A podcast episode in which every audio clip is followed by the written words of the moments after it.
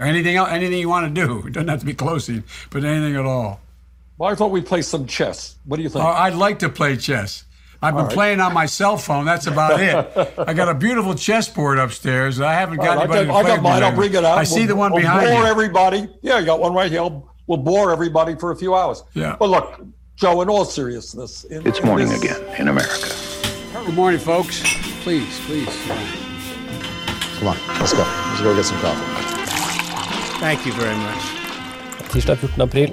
Bernie Sanders støtter Joe Biden. De dystre tallene fortsetter å stige i USA, og den første utgaven av morgenkaffen etter påska er servert. Den 8. april valgte Bernie Sanders å trekke seg fra nominasjonskampen. Han kasta inn håndkleet, og på mandag så deltok Vermont-senatoren på en livestream sammen med Joe Biden, der Bernie ga sin fulle støtte til den tidligere visepresidenten.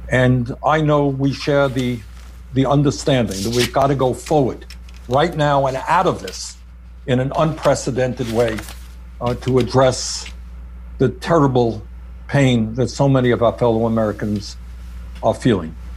So today I am asking all Americans, I'm asking every Democrat, I'm asking every independent, I'm asking a lot of Republicans to come together in this campaign to support your candidacy, which I endorse, to make certain that we defeat somebody who I believe, and I'm speaking just for myself now, uh, is the most dangerous president in the modern history of this country. Seansen var velregissert. De hadde blitt enige om på forhånd hvilke spørsmål som skulle stilles, og Biden-kampanjen og den nå tidligere Berlin-kampanjen også da snakket sammen om hvordan de sammen eh, kan samarbeide for å slå Donald Trump, og også da hvordan de kan få alle disse Bernie-tilhengerne til å støtte Biden. You know, I, I, I believe there's a great opportunity, a great opportunity to work together to deploy policy approaches that can take us closer to our shared goals.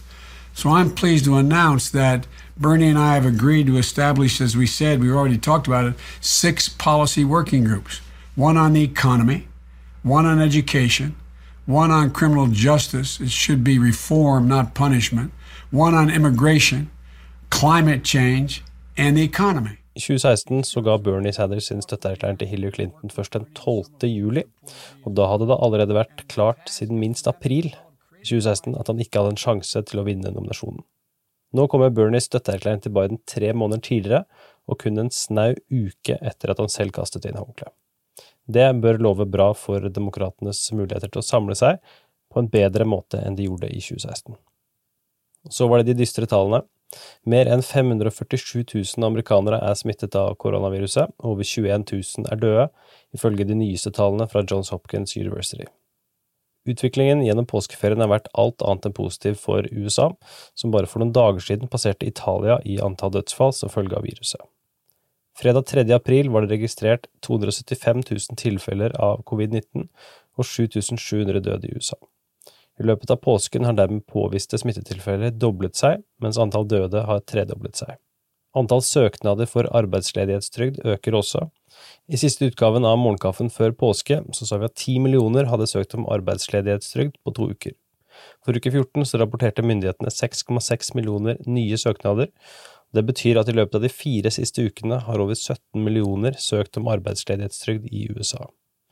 Amerikanske økonomer anslår nå at arbeidsledigheten ligger på 13% og JP Morgan Chase spår at ledigheten vil øke til 20% gjennom årets andre kvartal, samtidig som økonomien kan krympe med 40% Dagens tredje og siste sak. Diskusjonen fortsetter om når den amerikanske økonomien egentlig kan gjenåpnes igjen.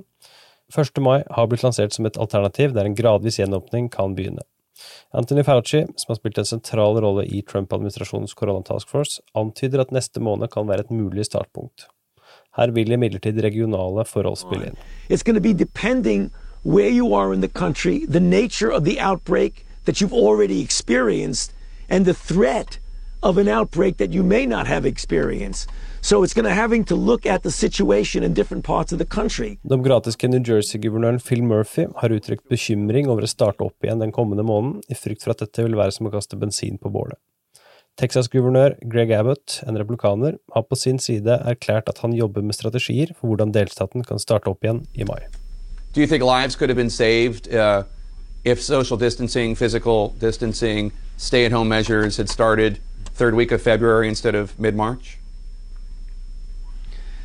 You know, Jake, again, it's the what would have, what could have. It, it's very difficult to, to, go back and say that. I mean, obviously, you could logically say that if you had a process that was ongoing and you started mitigation earlier, you could have saved lives. Obviously, no one is going to deny that. But what goes into those kinds of decisions is, is complicated. But you're right. I mean, obviously, if we had right from the very beginning, shut everything down. Dagens utgave av Morgenkaffen er servert av Henrik Skotte og undertegnede Are Togokvallen.